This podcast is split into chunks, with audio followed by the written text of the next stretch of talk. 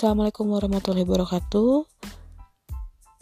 Bertemu lagi di episode kedua dari Bunda Reta bagi cerita. Um, Kali ini saya mau uh, cerita dikit nih tentang podcast ini. Kenapa saya sampai bikin uh, podcast di aplikasi Anchor? Um, Saya teringat waktu pas sekitaran waktu SMA kayaknya. Uh, itu kan dulu kita suka ada tes psikotes ya. Psikotes uh, dari lembaga psikologi itu uh, ikutan tuh saya tentang pokoknya akhirnya itu tentang minat dan bakat. Dan di bidang pekerjaan apa saya cocok.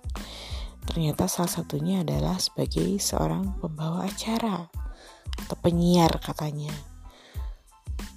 Nah untuk membuktikan hal itu saya challenge diri saya sendiri apakah betul saya bisa atau memiliki bakat sebagai seorang penyiar?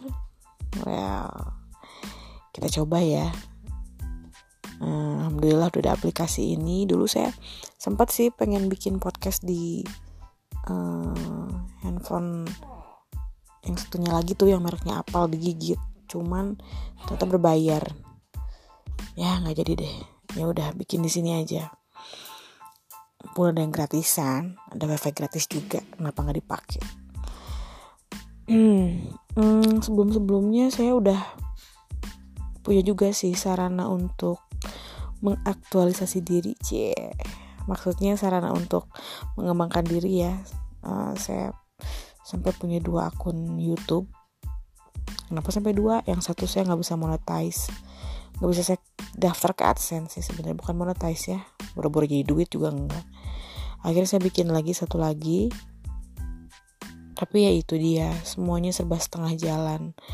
Saya rasa apa apa yang saya lakuin di hidup saya tuh rata-rata setengah jalan deh dari mulai uh, bikin akun YouTube bikin uh, buat blog di blogspot jadi blogger gitu kan hmm, apa lagi ya Instagram, Facebook, semua medsos saya berjalan setengah-setengah. Padahal impian saya tuh pengen sukses gitu, pengen pengen apa maju gitu dari akun medsos doang, tapi ternyata enggak. Butuh effort yang luar biasa mungkin.